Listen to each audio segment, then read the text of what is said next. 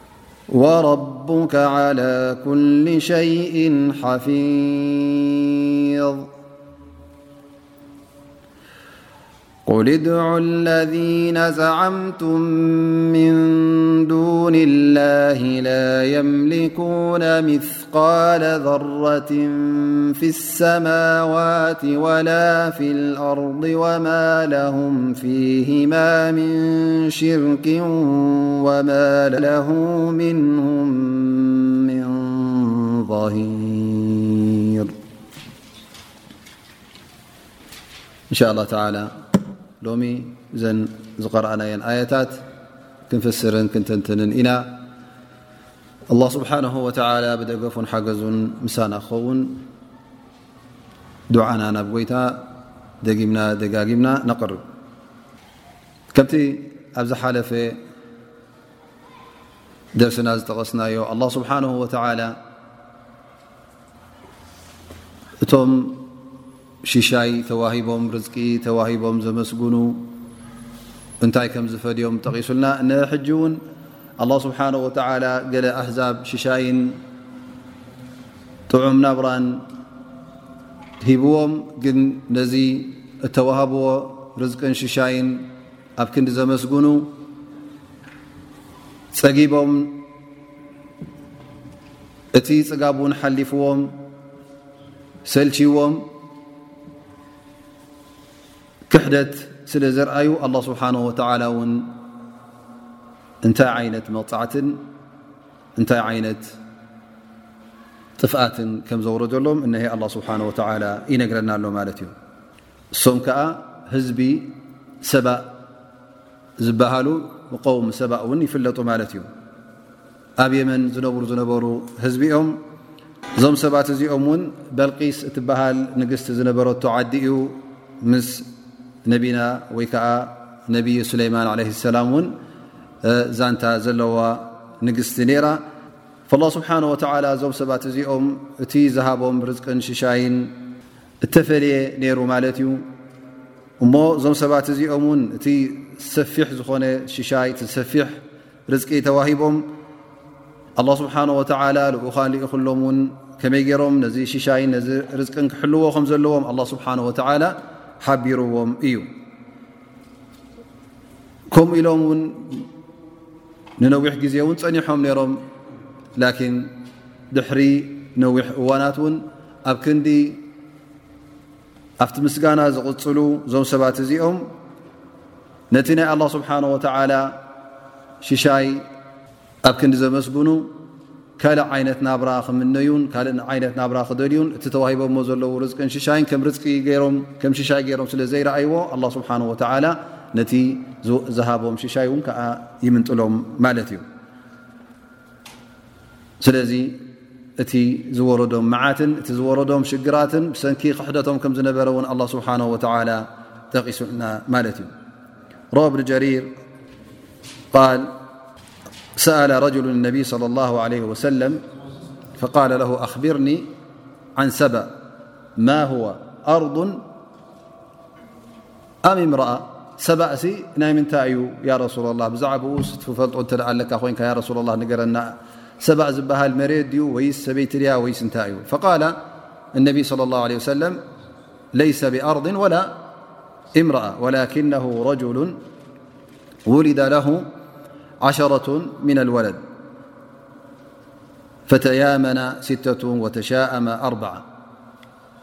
ነቢ ص ه ሰለ ከምዚ ዚ ሓዲስ ዝተጠቐሰ ሰባ ዝበሃል ስብ ናይ ሰብኣይ ከም ዝነበረ እሞ እሱ እውን ዓሰርተ ዝኾኑ ናይ ቀባይል ማለት እዩ ወሊዱ ግን እቶም ዓሰርተ ካብኡ ማለት ደቁ ቀጥታ ኣይኮኑን እንታይ ደኣ ደቁን ደቂ ደቁን ካብኦም ተፈላለዩ ማለት እዩ እንታይ ኮይኖም ማለት እዩ እቶም ዓሰርተ ቀንዲ ናይ ካብተን ቀቢላታት ናይ ዓረብ ኮይኖም ማለት እዩ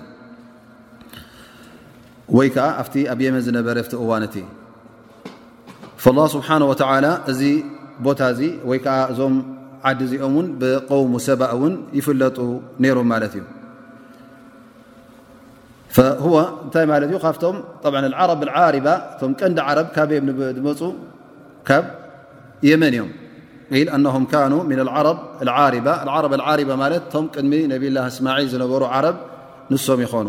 ወቂል ኣነም ካብቶም ብድሕሪ ነብላ እብራሂም ብድሕሪ ነብላ እስማዒል ዝመፁ እዮም ወይከዓ ዝነበሩ እዮም ዝተባህለ እውን ኣሎ ማለት እዩ ላኪን ዝኾነ ኮይኑ እዞም ሰባት እዚኦም ኣብ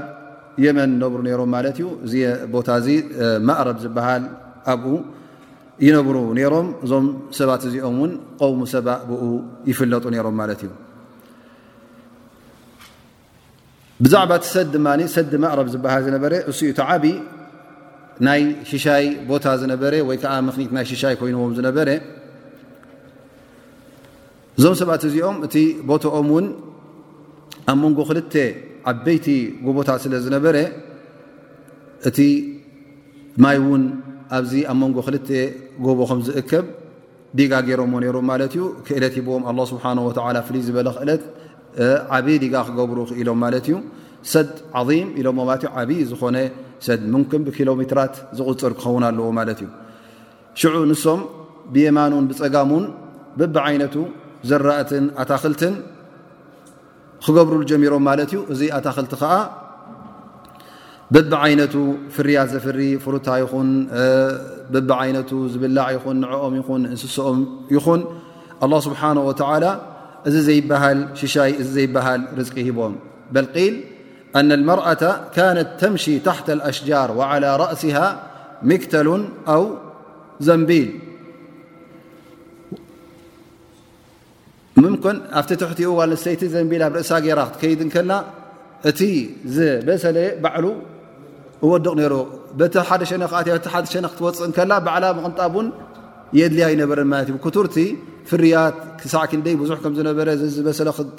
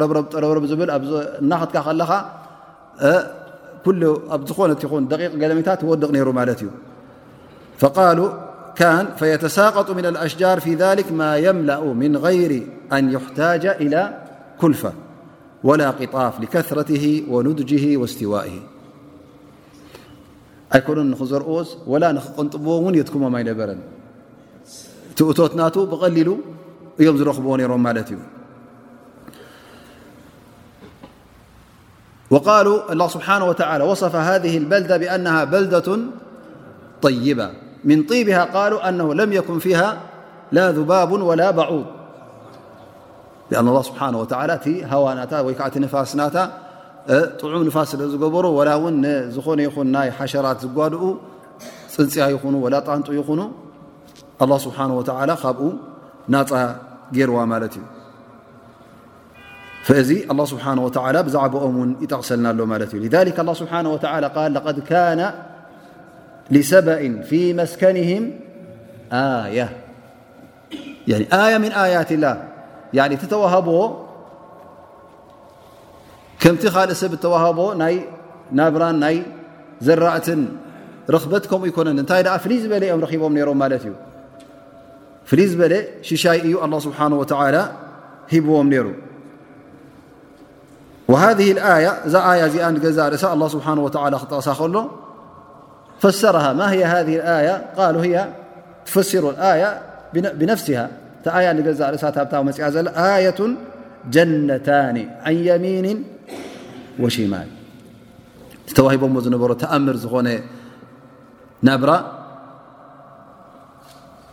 ከምቲ ንሉ ዝተዋህበ ዘይኮነ እታይ ንኦም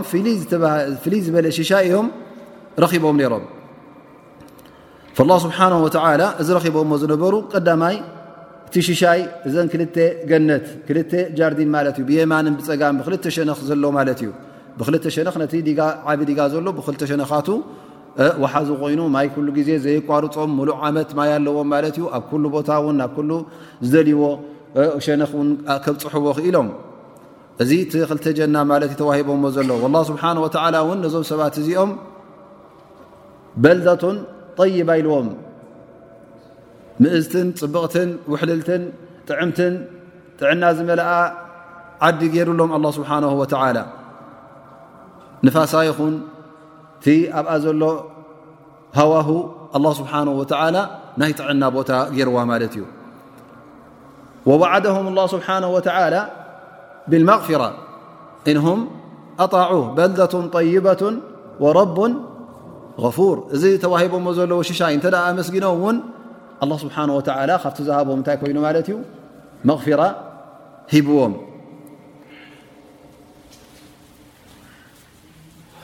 ከምኡ ውን ካብቲ ዝሃቦም ሽሻያት ኣላ ስብሓን ወተዓላ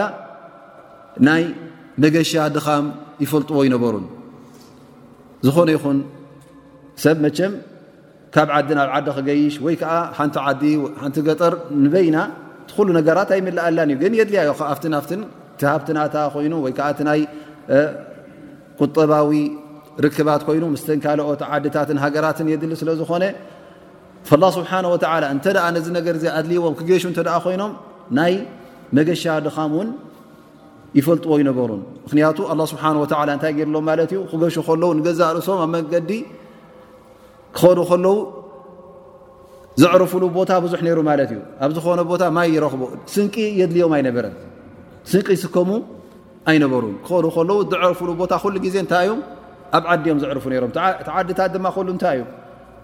መዓት ማይን መዓት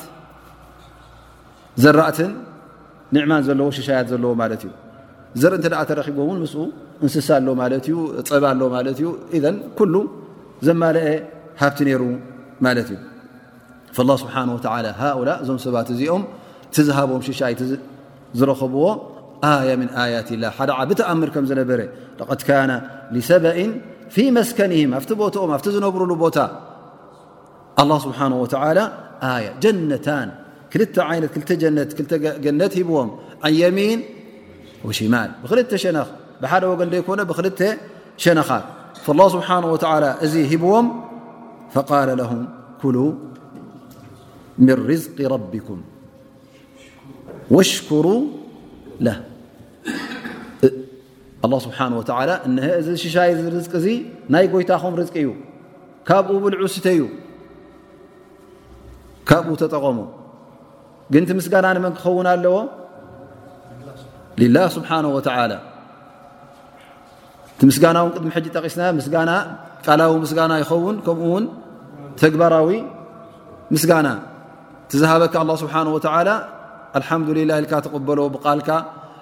ተግባራትካ ውን ምስቲ ኣላ ስብሓን ወተላ ዝደልዮን ምስ ኣላ ስብሓን ወላ ዝኣዘዞ ተቐይዱ ክኸይድ ኣለዎ ማለት እዩ እዚ ምስጋና ትርኢ ኣለኻ ምክንያቱ እቲ ተዋሂብካዮ ዘለካ ሽሻይ ንጎይታ ከተመስገሉ ዩ ዳኣ እምበር ንጎይታ ንክትክሕደሉ ብኡ ጌርካ ንጎይታ ንክትጠልም ኣይኮነን ኩሉ ምን ርዝቂ ረቢኩም ወሽኩሩ ለ ኣይ ወሽኩሩ ልላ ረቢኩም ንዑ ጥራይ ኣመስግንዎ ሽሻይ ካብኡ ጥራይ ስለዝኾነ ንዑ ጥራይ ምስጋና ክኸውን ዘለዎ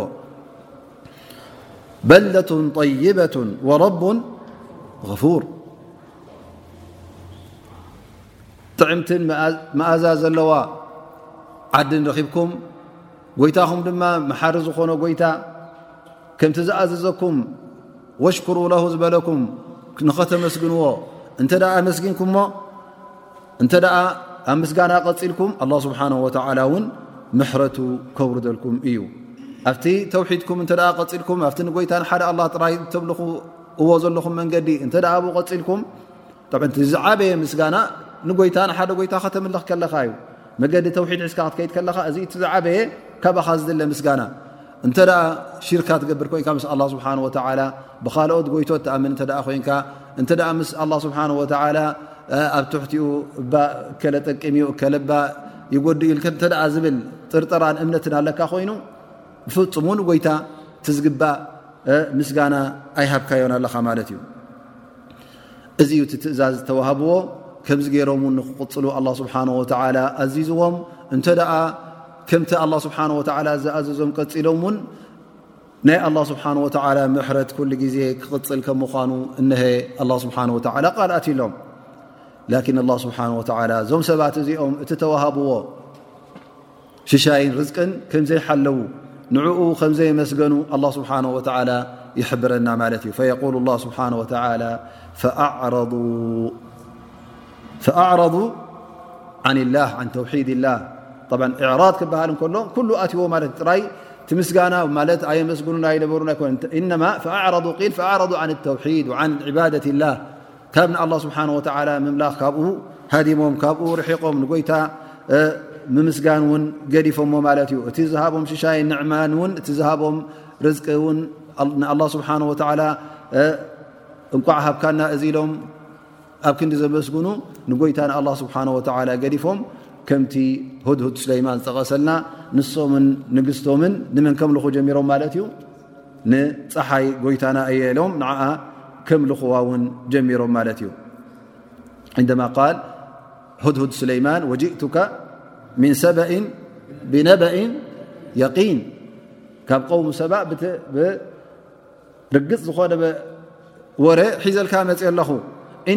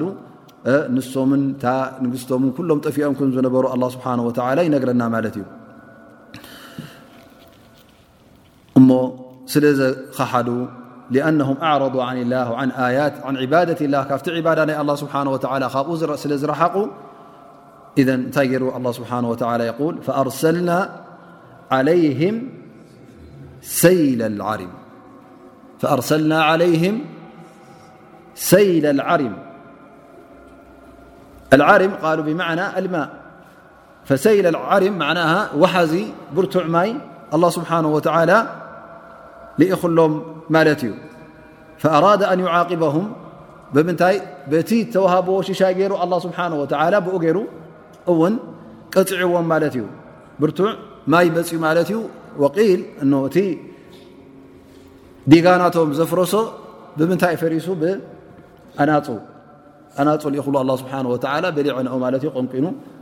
ሓያል ማይ ምስ መፀ ክስከሞ ኣይከኣለን ኩሉ ተበቲኑ ሒዝዎ ኮይዱ ማለት እዩ እቲ የማንን ፀጋም ዝነበረ በቢ ዓይነቱ ኣታክልቲ ሕጂ ኩሉ ከይዱ በሪሱ ማለት እዩ እቲ ማይ ዝእከብ ዝነበረ እውን ከይዱ ማይ የለ ገረብ የለ ኦም የለ ኣታክልቲ የለ ዘራእቲ የለ ማለት እዩ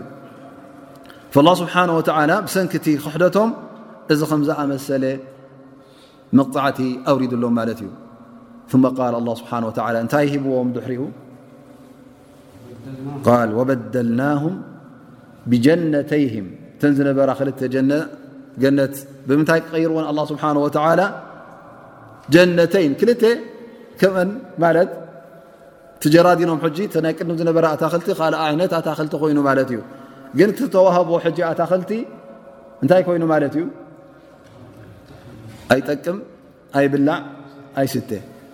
ቃል ላ ስብሓን ወተላ ጀነተይኒ ዘዋተይ ኦኩልን ከምር ቀዳማይ ኣላ ስብሓን ወላ እኩልን ቃሉ ሃ ልተቅሊል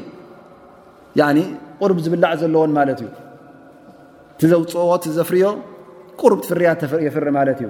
ወል እኩልን ከምጢን ኣይ ጣዕሙ ከቢ ሙር ጥዑም መቐረት ዘይብሉ ትተረኸበ ፍረ እውን ፅቡቕ ገይሩ ኣይበስል ማይ ክውሕዶ ከሎ ዝኾነ ይኹን ኣታክልቲ እንታይ ክኸውን ማለት እዩ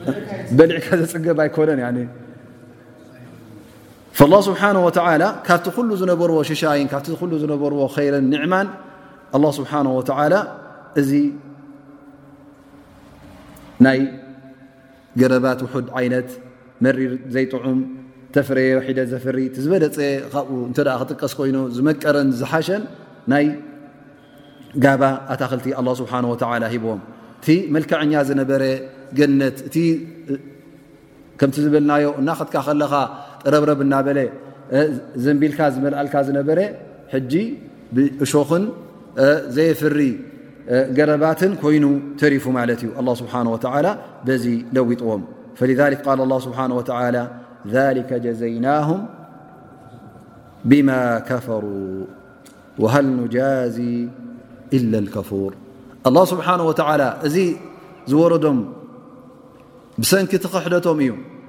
ኣላ ስብሓን ወተላ እቲ ሽሻይ ዝመንጠሎም ንሶም ባዕሎም ካብቲ ኣላ ስብሓን ወተላ ዝኣዘዞም መንገዲ ስለ ዝወፁ መገዲ ኢማን ገዲፎም መገዲ ክሕደት ስለ ዝመረፁ መገዲ ምስጋናን ውደሳን ንጎይታ ኣላ ስብሓን ወተላ ገዲፎም ናይ ኣላ ስብሓን ወተላ ምስጋና ምስ ኣበዩ እነሀ ኣላ ስብሓን ወተላ ዝውሪድሎም ውሃል ኑጃዚ ኢለልከፉ ከምዚ ገይርና ድማ መቕፃዕቲ ነውርደሉ እቲ ዝኸሓደ ሰብ ኢና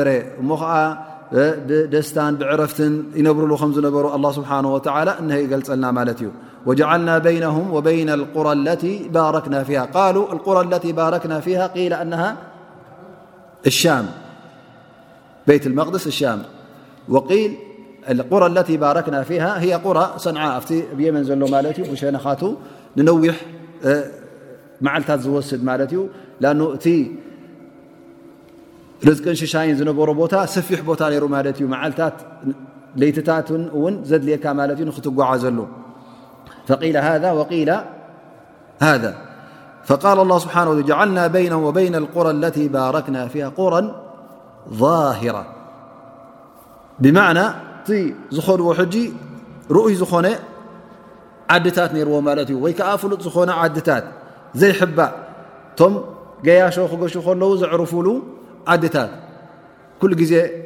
ንነዊሕ መዓልታት እተ ኣብቲ ቀደም ብእግርኻ ብፈረስ ኮይኑ ወይከዓ ብእግማል ኮይኑ ብዝኾነ ይኹን ዓይነት ክትገይሽ ከለኻ እቲ መገሻ ኩሉ ግዜ ኣብቲ እዋን እቲ ወይዓ ኣብ ዝኾነ እዋን ክትሪኦ ከለኻ ቀልጢፍካ ዝኾነ ዓዲ ትበፅሕኒ ካብ መንገዲ እንታይ የድልካ ማለት እዩ ቀዳማይ ነገር ስንቂ ክትማልእ ኣለካ ኣብ ጎልጎል ኣብ በረኻ ኣብ መሮር ኢኻ ትሓድር ምድረ በዳ እተኮይኑ ቲ ምድረ በዳ እውን ትሓድር ማለት እዩ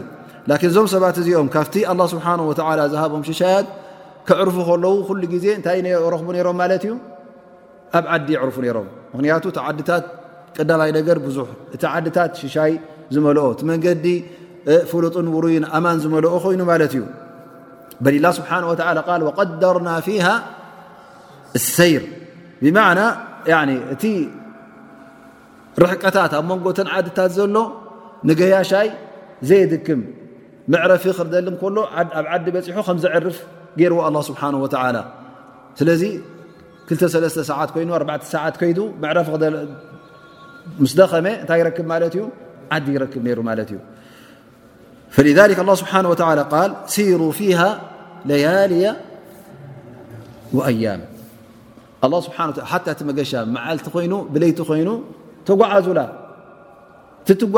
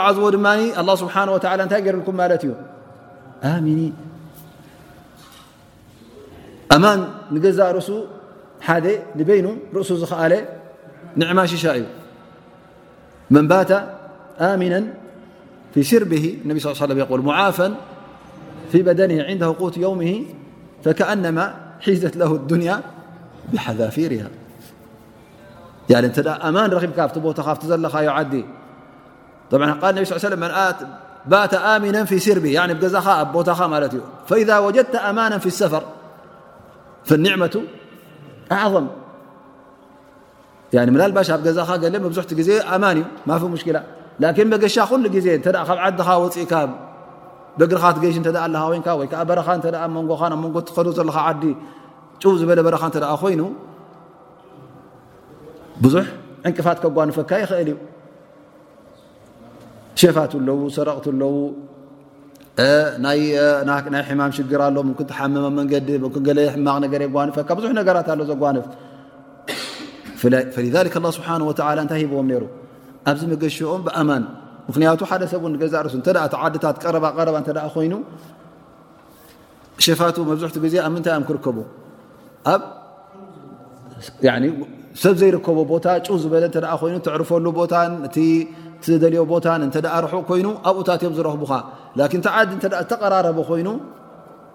ኩሉ ግዜ ዕድል ኣይክረኽቡን እዮም ማለት እዩ እዚ ሓደ ካብቲ ኣማን ዝረኸቦ ማለት እዩ እቲ መንገዲ እውን ኣየጥፍኣካን ማለት እዩ እተ መንገዲ ተዓድታት ዝተቀራረበ ኮይኑ መንገዲ እውን ኣይክጠፍእን ኢኻ ማለት እዩ ምክንያቱ መገዲ ክሰለስተ ሰዓት ኣርባተ ሰዓት እዩ ማለት እዩ መንጎ ዓድን ኣብ መንጎ ካይቲ ዓድን ዘሎ ማለት እዩ ላ ስብሓን ወላ ምን ኒዕመት ላ ዓለይህም ነዞም ሰባት እዚኦም ጀዓለ ለሁም ቁረን ዛሂራ ዋድሓ በይና ርኡይ ዝኾነ ፍሉጥ ዝኾነ መንገዲ ገይሩሎም ኣላ ስብሓን ወተዓላ ኩሉ ዝፈልጦ ዘይሕባእ ዘየጥፍእ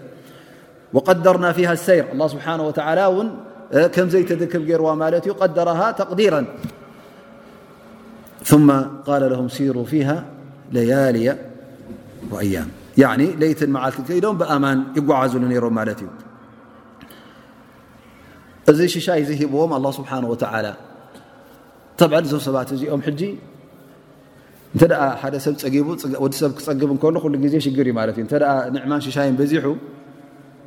እንታይ ከደሊ ማለት እዩ ክትብል በዚሑና ታይ ደሊ ከምቶም ካልኦት ክገሹ ከለዉ ኣብ መንገዲ ፀላእ ትረኽብዎም ንኦም እቃውምዎም እናበሉ ከለዉ ነብሪ ረኽቦ ናይ ስብእነት ኮይኑ ስምዓካ ማለት እዩ ሕ ሽዑ እብትላእ ፈተና ሃኡላ እቲ መገሻ ናቶም ኣይዓጀቦምን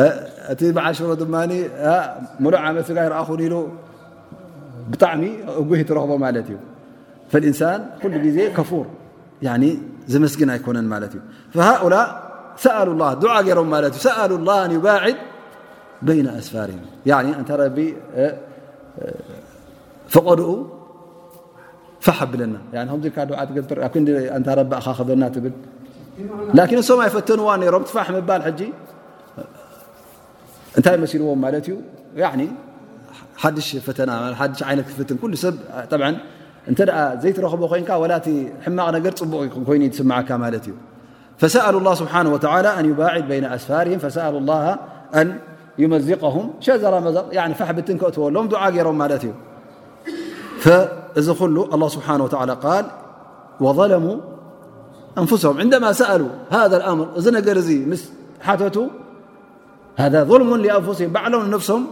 ይውፅዑ ኣለዉ ማለት እዩ ኣብ ከ ዘለሙ ኣንፍሶም ኣነም ማ ሸከሩ ሃذ ኒዕማ እዚ ኒዕማ እዚ ባዕሎም ብምንፃጎም በጥራናት ስለ ዝኾኑ እንታይ ኮይኖም ማለት እዩ ባዕሎም ንነፍሶም ዓሚፆም ማለት እዩ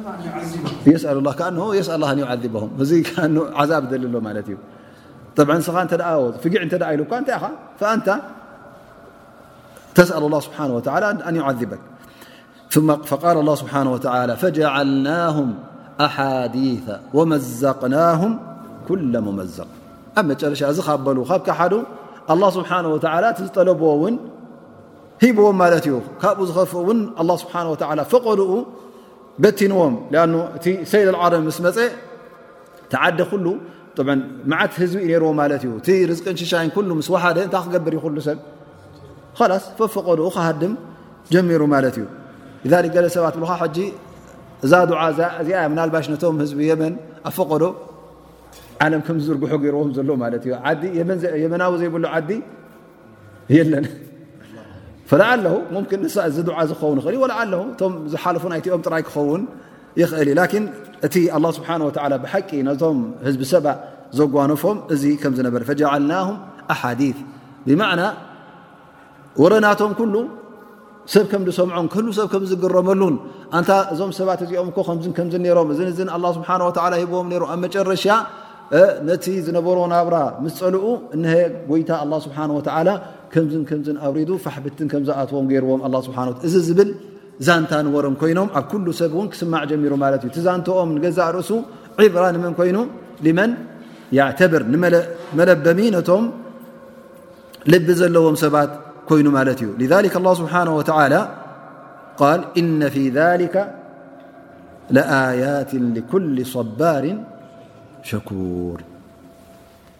ጠበ ካብቲ ዝነበርዎ ጥዑም ናብራ ወፅኦም ኣብቲ ናይ ፋሕ ብትን ምስ ኣተዉ እዘን ቀዳማይ ነገር እቲ ወዲ ሰብ ካብ ዓዱን ካብ ቦትኡን ካብ ህዝቡን ካብ ቤተሰቡን ካብ ፈተውቱን ክዝርጋሕ ወይ ከዓ ፋሕ ክብል እከሎ ዝገዛእ ርእሱ እንታይ እያ ክዋና ማለት እዩ ሃ ሃልኒዕማ ዲ ሽሻይ ዲ ወላ መቕፃዕቲ መቕፃዕቲ ማለት እዩ ያኒ እንተ ፋሕ ብትን ኣትዩካ ካብ ዓድኻ ወፅእካ ፈቐዶ ዓዲ እተ ትፈልስ ኣለኻ ፈቐዶ ዓዲ እተ ትኸይድ ኣለኻ ኮይንካ እዚ ኣላ ስብሓን ወተላ መቕፃዕቲ ይውርደልካ ማለት እዩ እሞ እንተ እዚ ነገር እዚ ኣሎ ኮይኑ እውን እንታይ የድልየካ ቶባ ክትብል ኣለካ ናብ ጎይታ ናብ ኣላ ስብሓን ወተላ ክትምለስ ኣለካ ምእንቲ ኣላ ስብሓን ወተላ ትወሪዱካ ዘሎ መቕፃዕቲ ምእንቲ ክልዕለካ ከተመስግን ንኣላ ስብሓን ወተላ ኣለካ ማለት እዩ ስለዚ እዚ ጉዳይ ውን ኣብዚ ዓለምና ኣብዚ ግዜና ውን ንብዙሓት ኣህዛባት ን የጓንፎም ኣሎ ማለት እዩ ፈለዓለሁም ምናልባሽ እዞም ሰባት እዚኦም ን ነቲ ቅድሚ ሕጂ ዝነበረ ሽሻይ ዘየመስገንዎ ክኾኑ ክእሉ እዮም ኣን ላ ስብሓን ወተላ ዝኾነ ይኹን መቕፃዕቲ ክውርደልና ከሎ ንሕክማ እዩ ዝገብሮ ማለት እዩ ብሕክማ ንጥበ ጥበብ እዩ ከምኡውን መቕፃዕቲ ዝኾነ ውን ክርስዕ የብልናን ማለት እዩ ናዕተብር ምን ሃ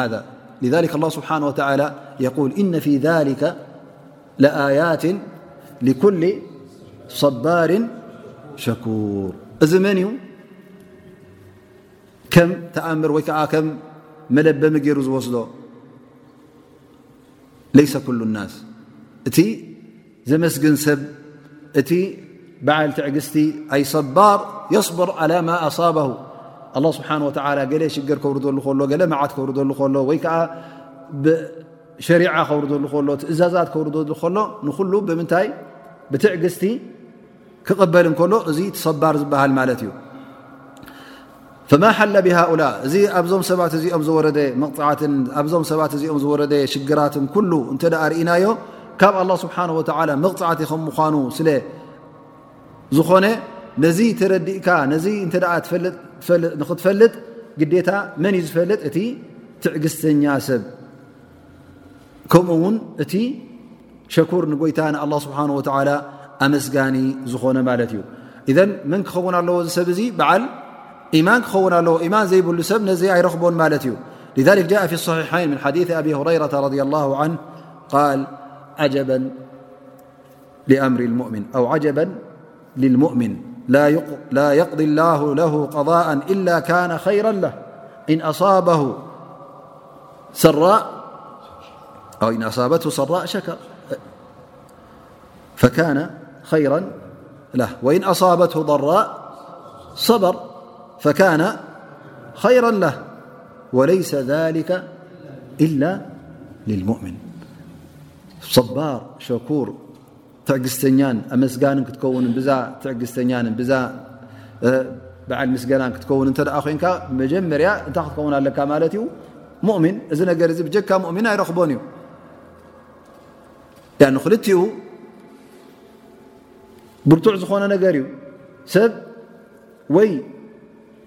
ካብ መገዲ ብምታይ ብሰንኪ ምንታይ ይጠፍእ ማለት እዩ ብሰንኪ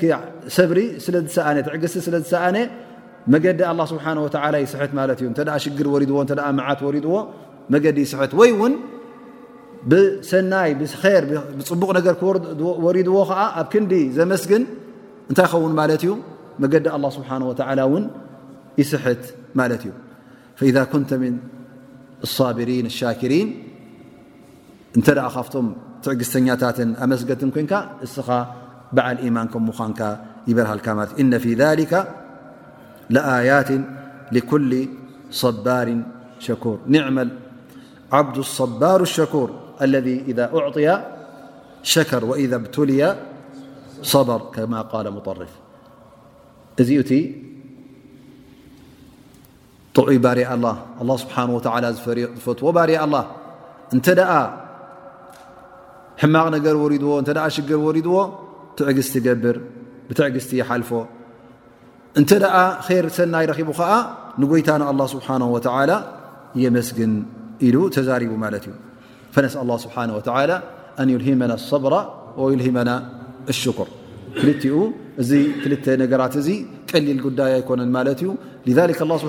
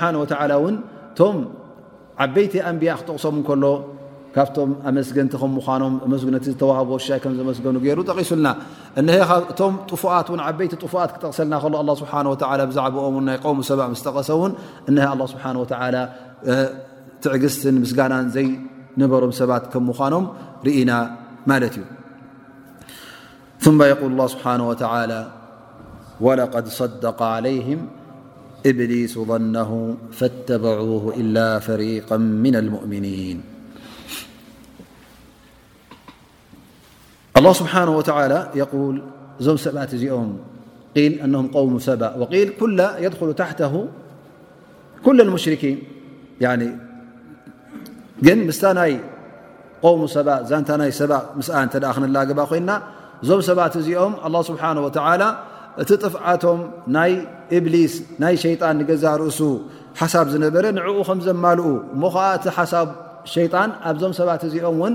ከም ዝሰመረሉ የርእየና ኣሎ ኣላ ስብሓን ወተላ ወለቀድ ሰደቀ ዓለይህም እብሊሱ ظና ብ ካነ ዕንደ ظን ወለም የኩን ዕንደ የቂን ላኪን እሱ ከምቲ ኣላ ስብሓን ወተላ ዝጠቐሰልና ቀደም ምሒሉ ጥሒሉ እዩ እንታይ ክገብር ንወዲ ሰብ ንኸጥፍእ ማለት እዩ عندما قال ذكر الله سبحانه وتعالى بقوله أرأيتك هذا الذي كرمت علي لئن أخرتني إلى يوم القيامة لأحتنكن ذريته إلا قليلا ኢሉ ምሒሉ እዩ ነሩ ማለት እዩ ብቐንዱ እቲ ሸይጣን ንሰብ ንኸጥፍእ ፈዞም ሰባት እዚኦም እቲ ሸይጣን ዝበሎ ናብኦም ከም ዝሰመረ ኣላ ስብሓን ወተላ ይርእየና ኣሎ ማለት እዩ ምኽንያቱ እዞም ሰባት እዚኦም መገዲ ኣላ ስብሓን ወተላ ገዲፎም ንመን ተኸቲሎም ንመገዲ ሸይጣን ተኸቲሎም ማለት እዩ ወላ ስብሓን ወተላ ዘከር እቶም እዞም ሰባት እዚኦም መብዝሕቶም ንዕኡ ከም ተኸተሉ እቶም ናፃ ዝወፁ ወይ ከዓ እቶም መገዲ ኢማን ዝመረፁ ውሑዳት ከም ዝነበሩ ላኪን ኣልቀውል ኩሎም ብ ጥራይ ነዚኦም ኣይኮነን ላን የድኹል ታሕትም ብ እዞም ም ሰባ ይኹኑ ካልኦት ሙሽርኪን እውን ትሕቲ ዝኣያ እዙ ክኣትዉ ይኽእሉ እዮም ኣ ባዕ ዑለማ ኢሎም ዛንታ ናይ ቆሙ ሰባ በዛ ዝሓለፈት ኣያ ብኣ ተጨሪሳ እዚ ወለቐድ ሰደቃ ዓለይህም እብሊሱ ን ትብል ኣያ ካብ ክጅምር ከላ እዚ ናይ ሓፈሻዊ ኣያ እዩ ዝበሉ ኣለዉ ማለት እዩ ናይ ሓፈሻ ዩ ክበሃል እንከሎ ውን ቆሙ ሰባ ኣብ ትሕቲኡ እትዋት ይኾኑ ማለት እዩ ኢዘ ኩሉ ይመላእ ማለት እዩ ወለቀድ ሰደቃ ዓለይህም ስለ ዝበለ ውን ኣ ስብሓ ለይም ስለ ዝበለ እቶም ብቐረባ ተጠቒሶም ዝነበሩ መን እዮም ቆሙ ሰባ ኢዘን እሶምን ንዕኦም ዝመስልን እውን ይኣቱ ማለት እዩ ኢዘ በቲ ሓደ ሸነኽ በትን በትን ተምፃእኻያ እታ ጉዳይ ተፈለየት ተፍሲር ኣይኮነትን ላኪንቲ ቃል ከመይ ጌርካ ከምተላግቦ እዩ ዘርእየና ዘሎ እቶም ሙፈስሪን ማለት እዩ ከመይ ጌርካ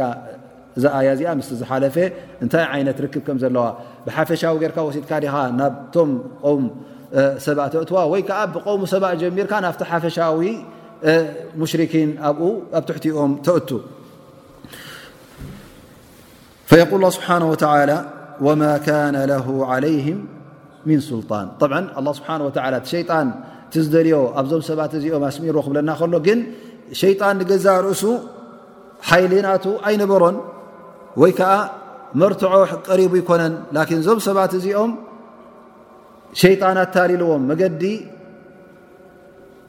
ኣላ ስብሓን ወተላ ንክስሕቱ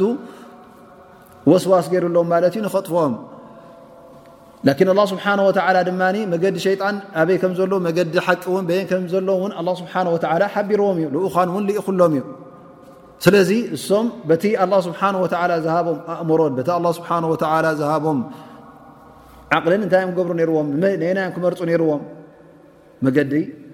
ኣላህ ስብሓን ወተዓላ ክምርፅኦም ነይሮዎም ላኪን እቲ ድልቶም ናይ ሸይጣን ስለ ዝኾነ ንሸይጣን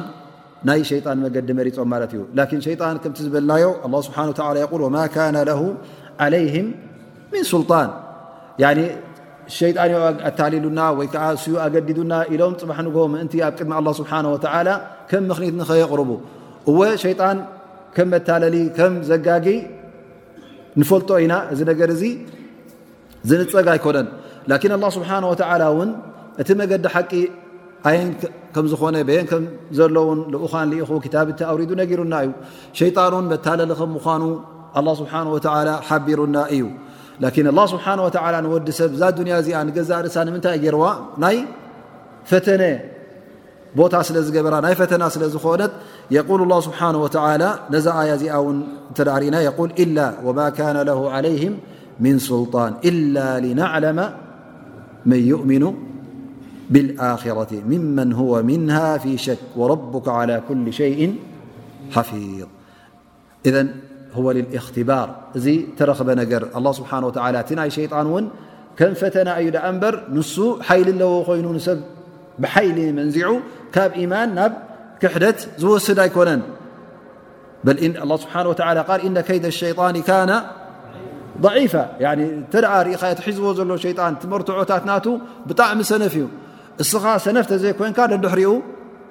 ኣይክትከይድን ኢኻ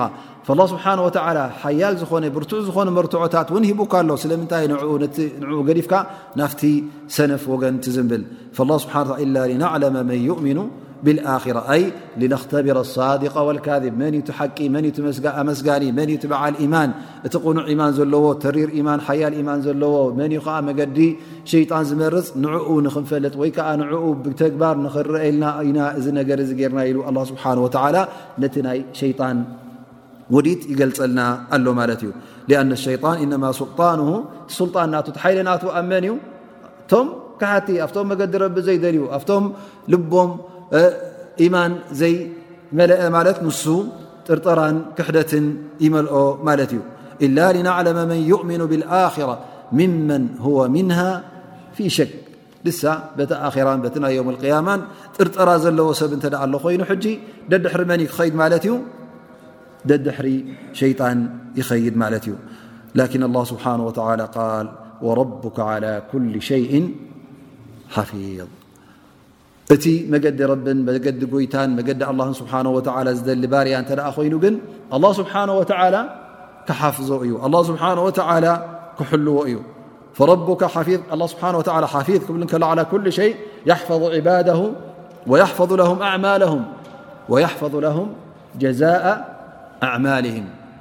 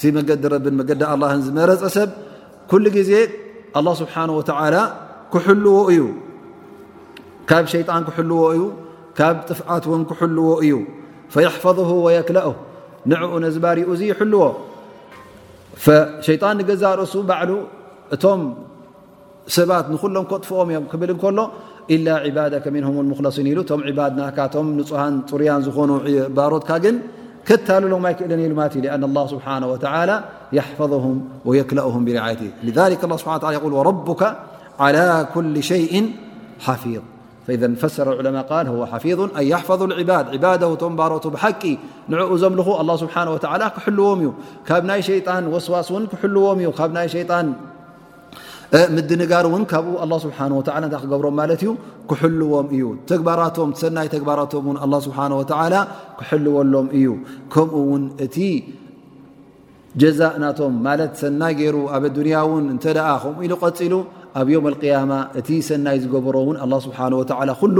ሓሊሉ ክፀንሕ እዩ ብኡ ገይሩ ኣላ ስብሓን ወተላ ው እንታይ ክገብሮ እዩ እቲ ዝግባእ ሽሻይን ዝግባእ ፍስሃን ዝግባእ ፃማን ኣላ ስብሓን ወተላ እውን ክህቦ እዩ ላ ስብሓን ወተላ የሕፈظ ዕባደ ወየሕፈظ ኩለ ሸይ ወረቡካ ዓላ ኩል ሸይን ሓፊظ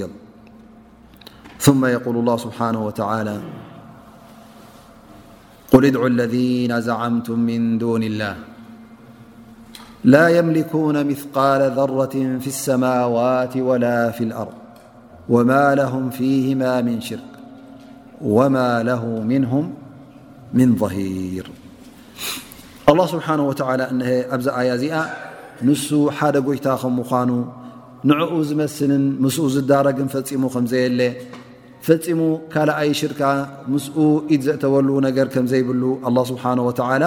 ንዕኡ ዝምንዝዖን ወይ ከዓ ዝመናጠሎን ነቲ ንግስነቱን ነቲ ጎይታነቱን ንዕኡ ዘሕድጎ እውን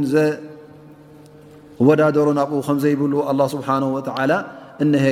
የብርሃልና ኣሎ ማለት እዩ ፈየቁል ላ ስብሓን ወተላ ነቢና ሙሓመድ ለ ላ ለ ወሰለም ቁል ለሁም ያ ረሱ ላ ያ ሙሓመድ ያ ረሱሉ ላ እድዑ ለذነ ዝዓምቱም እቶም ብሓቂ ጎይቶት እዮም ኢልኩም ወይ ከዓ ምስ ጎይታ ክእለት ኣለዎም ትብሉ ዝነበርኩም ሲ እቶም ተምልኽዎም ዝነበርኩም እስከ ፀውዕዎም እስከ ረኣይዎም ኢኹም ፈፂሞም ዝመልክዎ ነገር የብሎምን ላ የምልኩና ምثቃለ ዘራ ፊ ሰማዋት ወላ ፊ ኣር ኣኑ እቲ ኣምልኾት ዝግብኦ ወይ ከዓ ኣብ ናይ ደረጃ ጎይታ ናይ ኣምልኾት ደረጃ ንክበፅሕ ክበቅዕ እንተ ኮይኑ ዝመልኮ ነገር ክህልዎ ኣሎ እሞ እዚኦም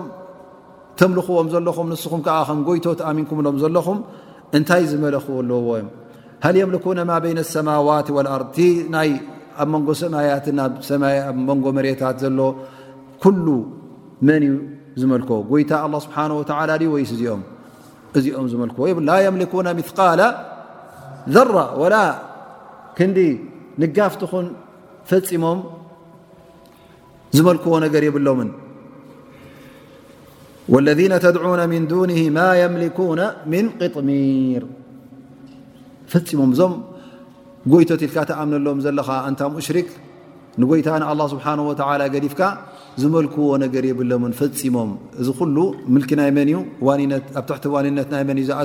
ኣብ ትሕቲ ምልክን ኣብ ትሕቲ ዋንነት ናይ ጎይታ ናይ ስብሓ ወላ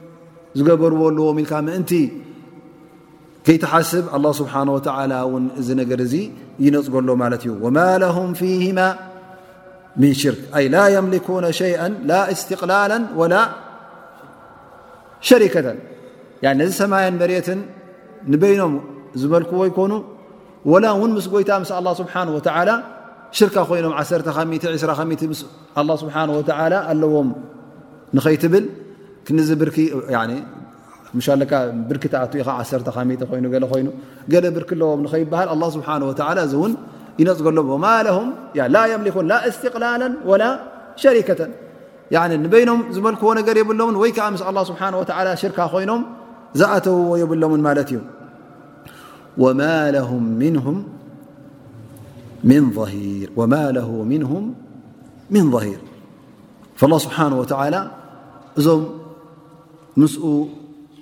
ተወዳደርቲ ጌርኩምም ዘለኹም ወይ ከዓ ምስኡ ይጠቕሙን ይጎድኡን የልኩም ሓሲብኩምሎም ዘለኹም ፈፂሞም ንኣላ ስብሓን ወተላ ዝጠቕሙ ኣይኮኑን ፈለይሰ ሃኡላ እዞም ሰባት እዞም እተምልኽዎም ዘለኹም ጎይቶት ኢልኩም ስእልን ምስልን ይኹኑ ገረባት ይኹኑ ወይከዓ መላእካታት ይኹኑ ወይ ካልእ ዓይነት ይኹኑ እዞም እተምልኽዎም ዘለኹም ንኣላ ስብሓን ወተዓላ እውን ዝባንን ደገፍን ዝኾንዎ ኣይኮኑን ላ ስብሓን ወተላ ላ የሕታጁ ኢላ ኣሓድ ፈፂሙ ኣላ ስብሓን ወተዓላ ደገፍ ክኾነኒ ኢሉ ዝድገፎ ሸነኽ የብሉን በል ባሮቱ ኩሉ ዓለም ናብ ጎይታ ዝፅጋዕ እዩ ናብ ጎይታ ዝድገፍ እዩ እሱኡ ደጋፊ ድኣ እምበር